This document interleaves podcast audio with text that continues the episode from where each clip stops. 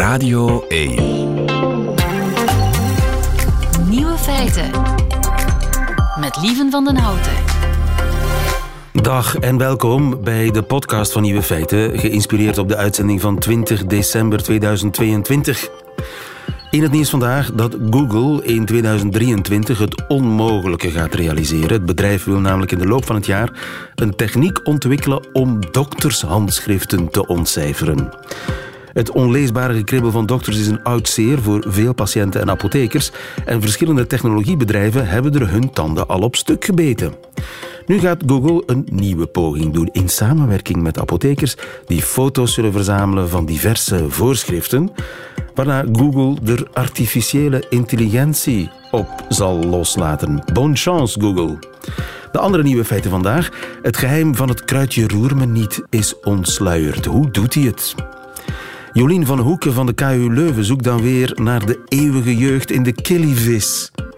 Is alles wat Harry en Meghan in hun documentaire vertellen wel te factchecken? Dat is een vraag voor onze feitenchecker. En het woord van het jaar is bekendgemaakt. De nieuwe feiten van Jovan Castiel die hoort u in haar middagjournaal. Veel plezier.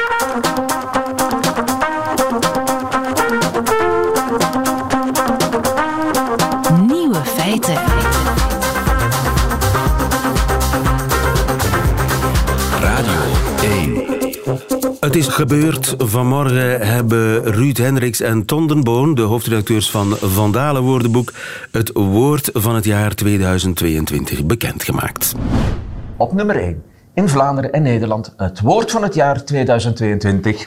Klimaatklever. Klimaatklever. Een klimaatklever is volgens Vandalen een activist die zich aan een object van symbolische waarde vastplakt om de aandacht van eh, het publiek te vestigen op de klimaatproblematiek. We herinneren ons allemaal de mensen die zich aan een Van Gogh hadden eh, vastgekleefd dit jaar. Prachtig woord van het jaar. Maar bij het Instituut voor de Nederlandse Taal, daar hebben ze een heel taaljaaroverzicht gemaakt. Viviane Wassing, goedemiddag. Ja, goedemiddag. Je bent taalkundige bij het Instituut voor de Nederlandse Taal. Jullie hebben voor elke maand van het jaar een woord gekozen.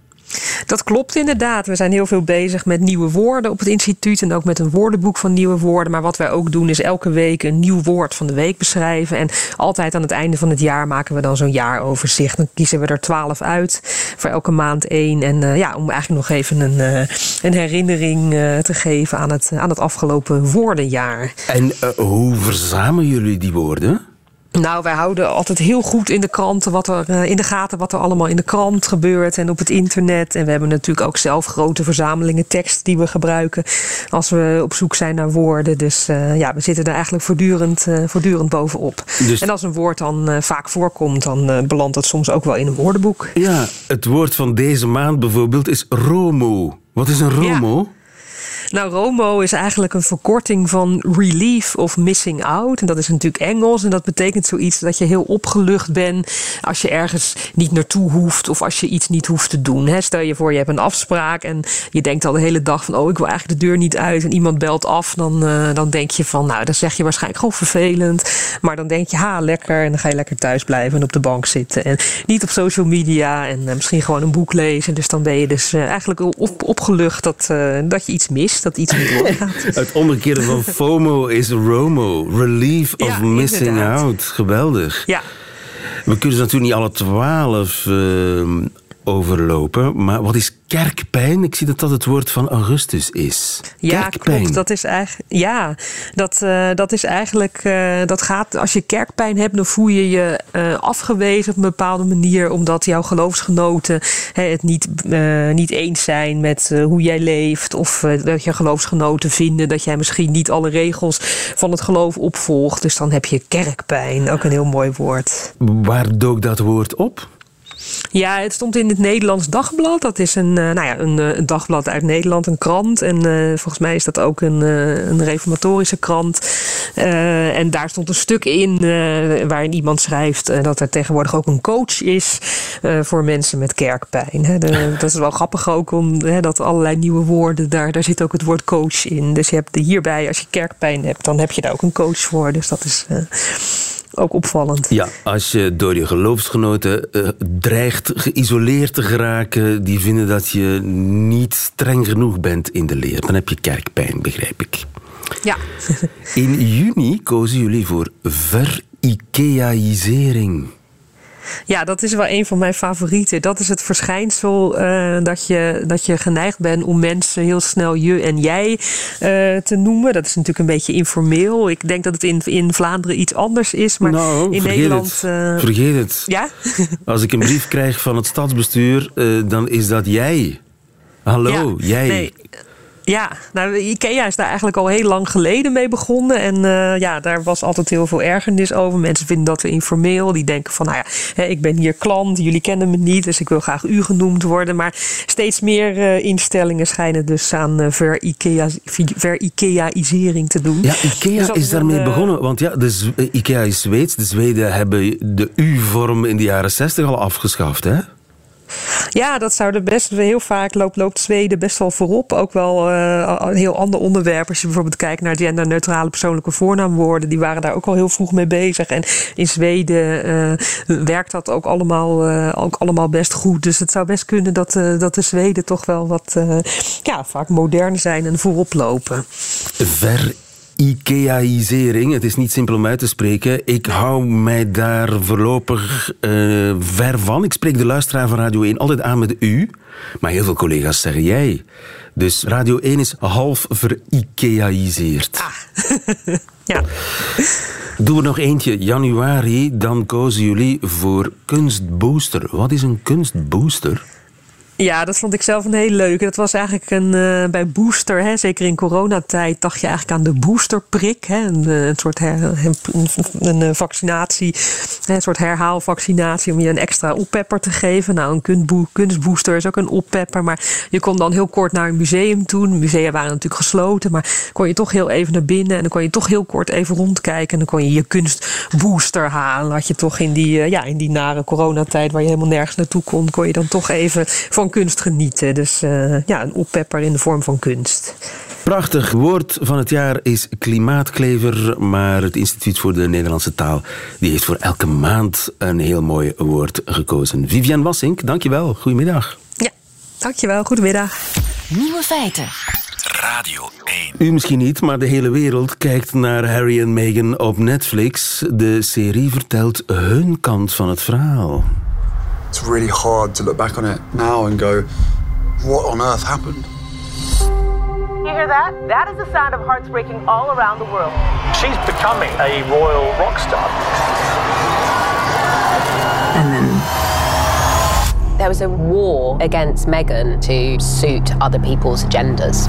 It's about hatred. It's about race. No one knows the full truth. We know the full truth. Alleen wij kennen de waarheid, zegt Prins Harry. Daar zal uh, Rien en Marie wel over oordelen.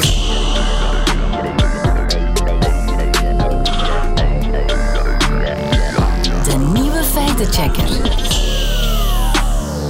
Een goedemiddag, Rien en Marie, onze feitenchecker. Wat jij gedaan hebt, is je hebt de feitenchecks over uh, Harry en Meghan gefactcheckt. Inderdaad.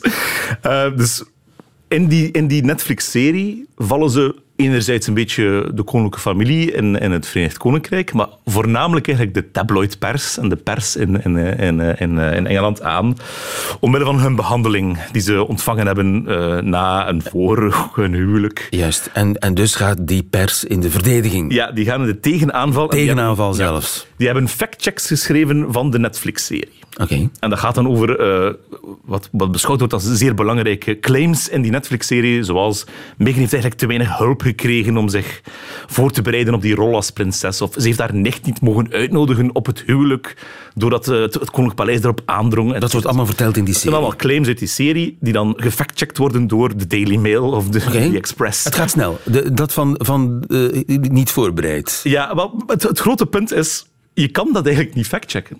Want het gaat om zaken die... Je abdikeert. Wel, het is belangrijk om bij een factcheck te weten van wat kan je factchecken en wat niet. De meeste dingen die gezegd worden in de wereld op een dag, kan je niet factchecken, omdat het meningen zijn van iemand. Die hoef je niet te factchecken. Een mening is een mening. Die mag iets waard zijn, maar is niet, niet noodzakelijk gebaseerd op een feitelijk statement. Je mag iets vinden. Hè? Dat kan je niet factchecken. En dan zijn er heel veel dingen, en dat is voornamelijk wat er aan de hand is natuurlijk in die, uh, in die documentaire, die een beetje he said, she said zijn. Waarbij zij beweert van ik heb dat mogen doen of dit of dat. En gesprekken die plaatsgevonden hebben in het paleis. Waarbij dat dan de tabloidpers een bron uit het paleis aanhaalt, meestal anoniem, die zegt van nee, dat is helemaal anders gelopen. Dat is makkelijk, hè? Ja, maar het probleem is ook, je kan het ook echt niet weten. Maar dat er is geen camera's factcheck. stonden. Nee, dat is geen factcheck. Je kan het niet zo noemen. Wel, je kan het wel zo noemen, want de Dat- term... ze noemen het ook zo. Ze noemen het zo. En de term factcheck is ook niet beschermd. Eh, iedereen mag zeggen van, ik factcheck dit, ik ben een factchecker. Ehm, eh, politieke partijen beginnen factcheck, factchecks te schrijven over Factcheck elkaar. inflatie zou, een woord van het jaar kunnen zijn. Absoluut. De term is aan inflatie onderhevig. Het enige wat je hebt, een beetje internationaal, is de International Fact Checking eh, Network. En die kan u een accreditatie geven als factchecker. En wij, wij, wij hebben die bij 14 Nieuws. Hebben we die. eh, Knak heeft die ook. En Factcheck Vlaanderen. Er zijn er drie in, in Vlaanderen die dat hebben. Ehm, maar dus, De, de Britse tabloids hebben gefactcheckt of Wat je niet kan factchecken. wat niet- maar, maar zij beweren dus dat zij eh, de, eh, kunnen checken of Meghan al dan niet genoeg is voorbereid. Voilà, bijvoorbeeld. Maar het, het, het grappige is, er zijn dingen in die serie die je wel zou kunnen factchecken. Bijvoorbeeld dat van die nicht. Ze mocht niet naar de, de, de trouw komen. dat mocht, kun je toch Die factchecken? mocht niet komen, maar het punt is van wiens schuld is het? Wou Meghan zelf dat ze niet kwam, of was het het paleis die erop aandrong dat ze niet kwam? En dat kan je niet weten, want dat is een intern gesprek in een achterkamertje van Buckingham Palace waar dat gebeurd is. Maar ze is niet geweest. Het is niet geweest, dat niet. Maar Oké. wiens schuld was het? Dat is het punt. Enfin, maar er zijn dingen in die serie die je wel kan factchecken. En, eh, en voornamelijk het beeldgebruik. Ehm, dus Meghan en Harry klagen vooral over, over eh, ja, achtervolgd worden door paparazzi. Ehm, en dan zit een soort montage in die documentaire van ja, fotografen die aan het fotograferen. Maar de helft van die beelden zijn ja, eh, officiële gelegenheden van, van het paleis, waar gewoon de, de presspool was, zoals altijd. Dus er waren geen paparazzi dan op dat moment. En dan Er zitten waren gewoon eh, journalisten die hun werk fotografen deden. die uitgenodigd waren, waar ze van wisten, eh, op, op officiële gelegenheden, dus niet achtervolgd in een privéleven of zo.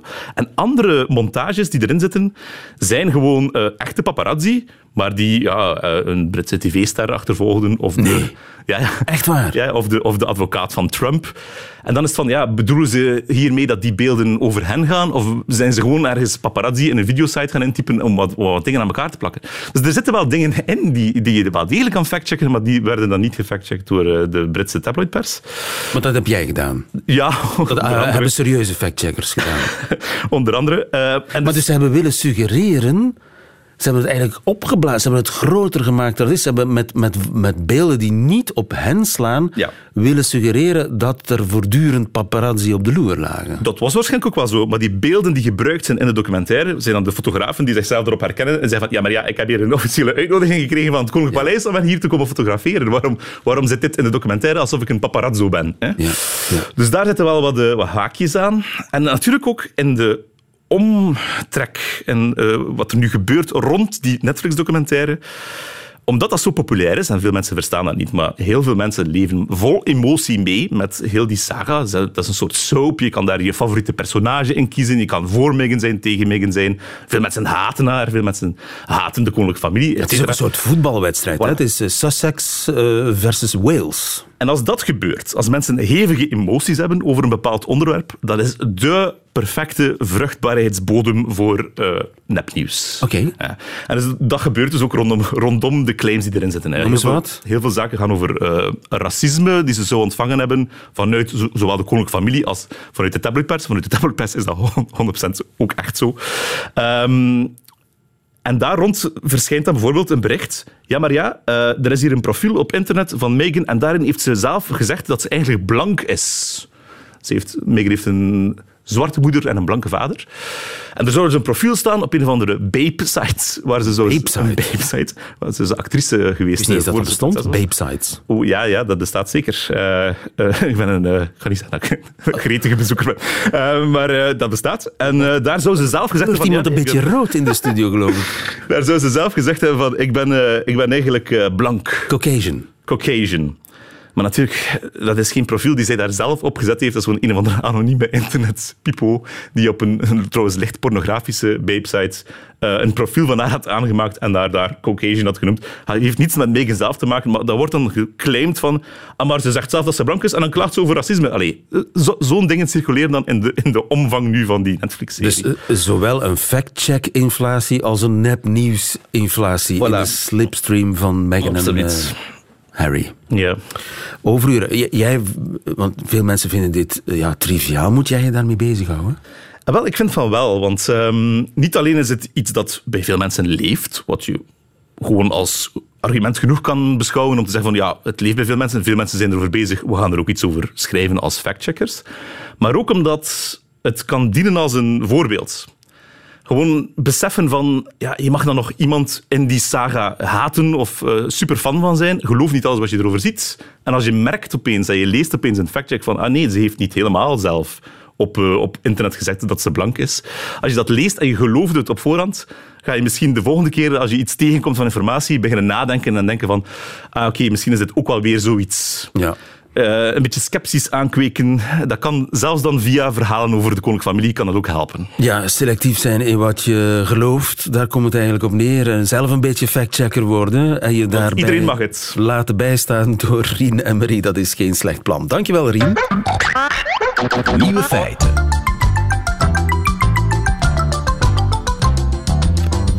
Zit het geheim van de eeuwige jeugd in de killivis? Daar probeert Jolien van Hoeken achter te komen. Goedemiddag, Jolien. Goedemiddag. Je bent neurobiologe aan de Universiteit van Leuven. De killivis, help me even. Wat is de killivis? Um, de killivis is een, is een kleine beenvis die wij bestuderen. Een en beenvis? Wat is een beenvis? beenvis? Dat is eigenlijk een, een type van, uh, van een soort van vis. Een, een, een supraklasse kunnen we die eigenlijk benoemen. Um, maar heel typisch aan, aan, aan soorten gelijk, zoals de beenvis is dat zij heel goed kunnen uh, regenereren. Dus dat betekent dat zij een heel grote herstelcapaciteit hebben na een letsel. Um, ja, en dat is wat die killivis zo interessant maakt? Dat is wat die killivis zo interessant maakt, maar ook zijn snelle veroudering. Het is eigenlijk de combinatie van deze twee karakteristieken die wij eigenlijk bestuderen en wat hem net zo interessant maakt. Ja. Het lijkt contradictorisch. Hè? Ze, ze leven heel kort en toch hebben ze een enorm herstelvermogen. Hoe zit dat? Ja, inderdaad. Dus um, ze hebben een heel groot herstelvermogen, maar niet als ze oud zijn. Dus dat is een van de dingen die ik heb bestudeerd tijdens mijn doctoraat. Dus wij vergeleken de herstelcapaciteit van de jongvolwassen kilivis met de oude kilivis. En dan zagen we dat wanneer de kilivis veroudert, deze herstelcapaciteit eigenlijk um, helemaal niet meer opging. Dus dat die heel laag was, wat we ook zien bij zoogdieren. En dat maakte het net interessant. Ja. Want als we eigenlijk veroudering zouden kunnen tegenwerken, of omkeren, dan zouden we eigenlijk die hele hoge, succesvolle regeneratie- of herstelcapaciteit terug kunnen aanslaan, laten aanslaan in de oude kilivis. En de jonge kilivis, diens herstelvermogen is echt spectaculair. Bijvoorbeeld, als ik, eh, als ik een deel van zijn vinnen zou knippen, dan kweekt hij weer nieuwe vinnen. Ja, die kan volledige uh, stukken eigenlijk van veel organen terug laten aangroeien. Hij kan dan met zijn vinnen, de schubben, ook de nieren en het hart.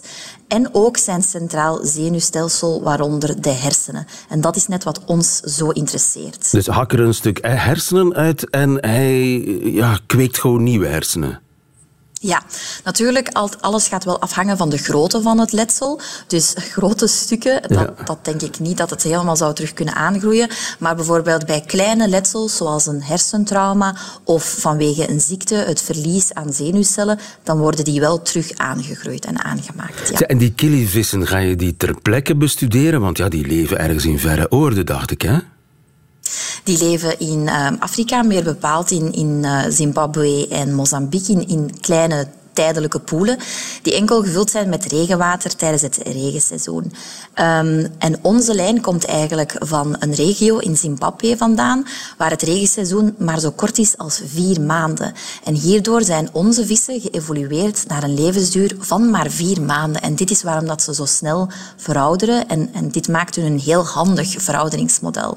Um, onze vissen zijn wel een aantal jaren gekweekt, dus die komen niet meer direct van uh, Afrika vandaan, maar oorspronkelijk oorspronkelijk zijn ze daar wel uh, verzameld geweest. Ja. En, en hoeveel vissen heb je zo? Wel, wij, hadden, wij begonnen eigenlijk heel klein met een heel klein team, maar we zijn enorm uitgebreid over de jaren heen. En nu hebben wij een capaciteit van over meer dan duizend vissen um, voor onderzoek van, van vijf onderzoeksgroepen. Ja. Dus wij delen uh, die visfaciliteiten. Dat is al een aquariumpje. Dat zijn allemaal aquaria um, bij elkaar, waar dan onze visjes um, in rondzwemmen. En hoe moet ik mij dat nu voorstellen? Kijk jij hoe ver je kunt gaan in het verwonden van jonge vissen om te zien wat er allemaal bij groeit? Um, niet in hoever dat ik kan gaan, maar eerder hoe dat veroudering dit proces gaat beïnvloeden. Um, en dan zouden we eigenlijk met bepaalde medicijnen bepaalde uh, cellulaire processen of onderliggende mechanismen willen moduleren. Dus laten aanslaan of laten afslaan, waardoor we eigenlijk de impact van veroudering kunnen omdraaien. Oké, okay, dus je bestudeert niet, niet echt het, het regeneratieve vermogen, maar hoe dat verdwijnt hoe dat verdwijnt met ouderdom en hoe dat we dat kunnen omkeren. Um, zodat we weer succesvol zouden kunnen regenereren. Niet alleen in de kilivis, maar later ook um, zouden we dat willen vertalen naar de mens bijvoorbeeld. Ja, en heb je al iets gevonden? Wij hebben al onderliggende mechanismen eigenlijk ontdekt. En deze zijn we momenteel aan het uh, moduleren met twee medicijnen. Uh, maar deze publicatie is momenteel nog um, wordt nog momenteel behandeld. En uh, daar kan ik pas later meer over zeggen, wanneer dat deze gepubliceerd is. Oei. Um, maar we zijn er zeker mee bezig. Ja, dus jullie hebben iets ontdekt dat ja, de eeuwige jeugd dichterbij zou kunnen brengen. Wel, ik zou niet uh, willen zeggen dat het de eeuwige jeugd is, maar eigenlijk dat we onze laatste levensjaren meer gezond gaan zijn. Dat we cognitief sterker blijven, dat we bijvoorbeeld niet meer lijden aan geheugenverlies of andere ouderdomskwaaltjes. Um, en dit noemen we gezond verouderen. Dus niet meer um, jaren aan ons leven, maar meer leven aan ons jaren. En wanneer mogen we de resultaten van je onderzoek verwachten? Oh, dat kan ik zo niet zeggen. Dat kan misschien nog wel een aantal maanden uh, duren. Um, en het is natuurlijk nog altijd fundamenteel onderzoek, dus we zijn er nog altijd fundamenteel mee bezig. Maar wie weet, binnen enkele jaren kunnen we dit misschien vertalen naar de mens en dan hebben we um, nieuwe strategieën om gezond ouder te worden. Ja, wie weet. Want ja, een, een vis is geen mens, hè? Een vis is zeker geen mens. Dus wij delen wel een heleboel van onze genen. Dus tot 70 procent van onze genen delen wij met deze vissen. Um, maar we, we, moeten nog altijd testen of dat diezelfde strategieën ook wel eh, kunnen aanslaan bij de mens, bijvoorbeeld. Jolien, je hebt over de killivis ook een podcast gemaakt voor de Universiteit van Vlaanderen. Mag ik je heel veel succes wensen met je onderzoek op de killivis. Jolien van Hoeken, dankjewel. Goedemiddag.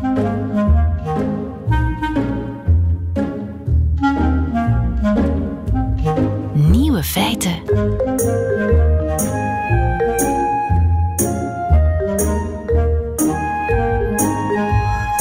Eindelijk is het geheim van het kruidje roer me niet ontsluierd. Koen S., goedemiddag. Goedemiddag, Lieven. Van de Nationale Plantentuin van België. Het kruidje roer mij niet. Ja, je geeft er een tik op en hij gaat ogenblikkelijk liggen. Vouwt zijn blaadjes dicht. Hoe die dat doet, dat was tot vandaag eigenlijk een groot raadsel. Ja, dat klopt. Men had uh, een aantal vermoedens, maar daar had men nog altijd geen harde bewijzen voor. Dus uh, hoe dat hij het doet en waarom dat hij het doet, was nog tot op eh, heden eigenlijk nog niet uh, 100% bewezen. Ja, want voor dat soort van snelle bewegingen ja, heb je eigenlijk spieren nodig en een zenuwstelsel. Hè? Ja, dat, zou, dat zouden we verwachten. Hè. Dus dieren kunnen heel snel reageren en die hebben daar inderdaad een zenuwstelsel voor. bij planten zie je dat natuurlijk veel minder. En toch zijn er een aantal planten die heel snelle bewegingen kunnen uitvoeren uitvoeren. Niet alleen het kruidje roer me niet. Nee, nee, je hebt ook de venusvliegenval bijvoorbeeld, of ook uh, de kamerlinde die eigenlijk uh, zijn meeldraden heel snel kan bewegen. Dus er zijn er wel uh, meer dan... ah, dan die vliegenvanger, die klapt gewoon zijn, zijn blaadjes dicht om, om de vlieg te vangen. Inderdaad, en dan uh, zit die gevangen in het uh, vangorgaan, dus dat gaat ook heel snel. Uh, ja. En de reactie gebeurt na een tiende van een seconde een al. Dus tiende van een seconde, tjaka. Ja. Dus uh, dat is heel uh, raadselachtig hoe dat gaat. Er zijn veel veronderstellingen geweest altijd. Wat waren zo de, de belangrijkste veronderstellingen? Goh, ja, wat men wist was dat het, uh, het gaat over een, klein, een soort scharniertjes die aan de basis van die deelblaadjes zitten. Het kruidje heeft zo langwerpige blaadjes die uh, veervormig zijn samengesteld. Een varenachtig iets, ja, hè? Ja. Zo een beetje die vorm. En aan, aan, de basis van elk van die deelblaadjes heb je een soort van scharniertje. Uh, pulvini noemt men die wetenschappelijk. En die, die scharniertjes, of die cellen van die scharniertjes, die, die verliezen hun, hun celdruk heel snel en daardoor gaat dat scharniertje naar beneden vallen. Ah, dat wist men al. Maar hoe dat die signalen naar daar uh, gingen, wel, dat wist men niet zeker. Uh, men, men, had uh, theorieën over calciumionentransport. Men had theorieën over actiepotentiaal, dus een elektrische geleiding die er, die er zou zijn. Dus ja, goed, maar men had dat nooit 100% kunnen bewijzen. Ja, en nu is er een professor Toyota, zo heet hij echt, in Japan erin geslaagd om dat te bewijzen, hoe dat kruidje niet dat doet. Ja, inderdaad. Hij heeft eigenlijk uh, een soort van mutant gemaakt met CRISPR-techniek. Dus men heeft genetisch die, uh, dat kruidje niet veranderd. En men heeft eigenlijk dat calciumtransport uh, fluoriserend kunnen maken. Dus men heeft dat gewoon kunnen aantonen hoe dat die calcium uh, beweegt. Dus wanneer dat die arriveert in die, uh, in die uh, pulvinia, in die scharniertjes. En wat blijkt nu? Dat zowel die actiepotentiaal als die calcium-ionentransport, dat dat tegelijkertijd plaatsvindt. Dus dat heeft men nu onomstotelijk kunnen aantonen. Dus hij heeft dat eigenlijk kunnen ja, zichtbaar maken, letterlijk. Ja, je kan het echt zien, inderdaad. Ah, ja. En dat is dan eigenlijk een soort elektrische... Want het, ik hoor je zeggen calcium-ionen. ik begrijp het als een soort van elektriciteit. Wel nee, dat is eh, dus een eigenlijk, eh, het zijn moleculen die doorgegeven worden, ionen die doorgegeven worden. En Elektrisch geladen deeltjes die doorgegeven worden. Ja, ja. zoiets. Uh, maar dus tegelijkertijd is er ook een actiepotentiaal. En vroeger dachten we dat het een het andere in gang zette, maar nu blijkt dat de twee tegelijkertijd, tegelijkertijd uh, plaatsvinden. Dus dat is over het, uh, het hoe. Het waarom heeft hij eigenlijk ook kunnen aantonen. Aha. Ja, de theorie was altijd dat het... Waarom klapt zo'n kruidje roeren niet samen? Dus men, men weet dat dat gebeurt uh, s'nachts bijvoorbeeld, maar dan gaat dat heel langzaam. Dan gaan ze in slaaptoestand. Maar dus met aanraking gaat dat heel plots. Uh, en men dacht altijd dat is om insecten af te schrikken. Uh, dat die er niet van... van zouden eten. Maar men heeft dat nooit 100% kunnen bewijzen. Dus men heeft dan gedacht van ja, hoe kunnen we dat bewijzen? Uh, men heeft kruidje niet dan behandeld met producten waardoor dan die scharniertjes... Uh, niet meer in staat zijn om, uh, om uh, de turger, of die steldruk te verliezen, dus niet meer in staat zijn om neer te klappen. En dan heeft men dus sprinkhanen losgelaten op een populatie van uh, behandelde en niet behandelde kruidje En dan bleek dat er inderdaad degenen die niet kunnen neerklappen, dat die meer opgegeten worden. Aha. ja. Dus het is maar, zelfbescherming tegen opgegeten worden? Ja, inderdaad. Maar toen dacht men van, maar misschien heeft dat behandeling met dat product heeft dat ook een bepaalde invloed. Dus misschien zijn we nog niet heel 100% zeker. Zo gaat de wetenschap, maar we willen altijd heel zeker zijn. En dus heeft die professor Toyota heeft dan inderdaad ook nog uh, kruidje roermeniet, nog een mutant gemaakt die onbeweeglijk zijn, dus die niet kunnen dichtklappen. En dus, uh, de, maar, maar aan zeker en vast dan niks aan de smaak veranderd is. En dus inderdaad, met, aan de hand van deze proefneming heeft men dan kunnen zien dat inderdaad diegenen die niet uh, dichtklappen, dat die uh, veel meer opgegeten worden door sprinkhanen ja. dan degenen die wel dichtklappen. Sprinkhanen zijn niet dol op een kruidje maar niet dat dichtgeklapt is. Ja, inderdaad. Dus zij schrikken telkens als het dichtklapt en dus uh, daarmee acht men bewezen wat men eigenlijk al vermoedde. Ja, professor Toyota, leven professor Toyota in Japan. Want hij heeft het geheim van het kruidje roer me niet ontsluierd. Koen S. van de Plantentuin in Meissen, dankjewel. Goedemiddag. Goedemiddag. Nieuwe feiten. En voilà, dat waren ze, de nieuwe feiten van vandaag, 20 december 2022. Alleen nog die van Jovan Castiel, die krijgt u nu in haar middagjournaal. Nieuwe feiten. Middagjournaal. Goedemiddag. Ik zag op het internet een gezichtscrème die ongeveer 400 euro voor 100 milliliter kostte. Ik vind dat freaky. Ik betaal ongeveer 5 euro voor 400 milliliter en als je een bon hebt, is hij nog goedkoper. Ik vind mijn gezichtscrème van 5 euro absoluut perfect. Hij doet alles wat ik van een crème verwacht. Maar ja, hoe kan ik weten of die dure crème echt beter is? Zijn deze crèmes echt magisch? Of is het allemaal psychologisch? Hmm, deze crème ruikt naar Nivea. Ja, maar hij kost 10.000 euro voor een klein potje? Wauw, dat is de beste gezichtscrème die ik ooit gebruikt heb. Als dure gezichtscrème echt werkte, zouden alle plastische chirurgen failliet gaan, want ze zouden de concurrentie met de dure gezichtscrème niet aankunnen. Ik ben 15 jaar naar de universiteit geweest, maar ik ben machteloos tegen deze anti-rimpelcrème. En hier is nog iets. Als dure gezichtscrème echt goed zou werken, zal je weten hoe rijk iemand was door hoe jong ze eruit zien. En je zal ook weten wie de mensen zijn die in de duurste wellnesscentra van de wereld werken. Want die mensen zouden de mooiste handen ter wereld hebben, door elke dag, de hele dag, met hun handen die crème op rijke vrouwen te smeren.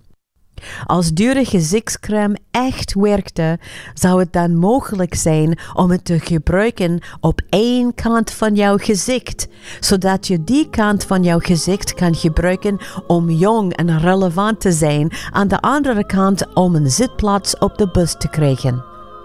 How you doing? Oei, uh, sorry madame.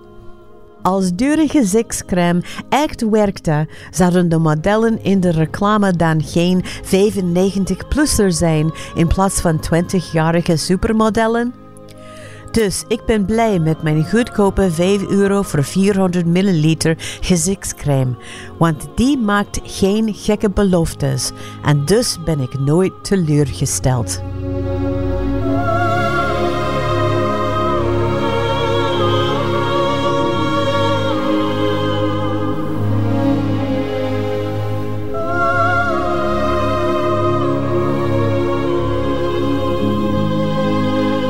Groot gelijk Jovan Castiel in het middagjournaal. Einde van deze podcast. Hoort u liever de volledige nieuwe feiten met de muziek erbij? Dat kan natuurlijk live elke werkdag op Radio 1 tussen 12 en 1. Of on demand via de Radio 1 app of website. Tot een volgende keer.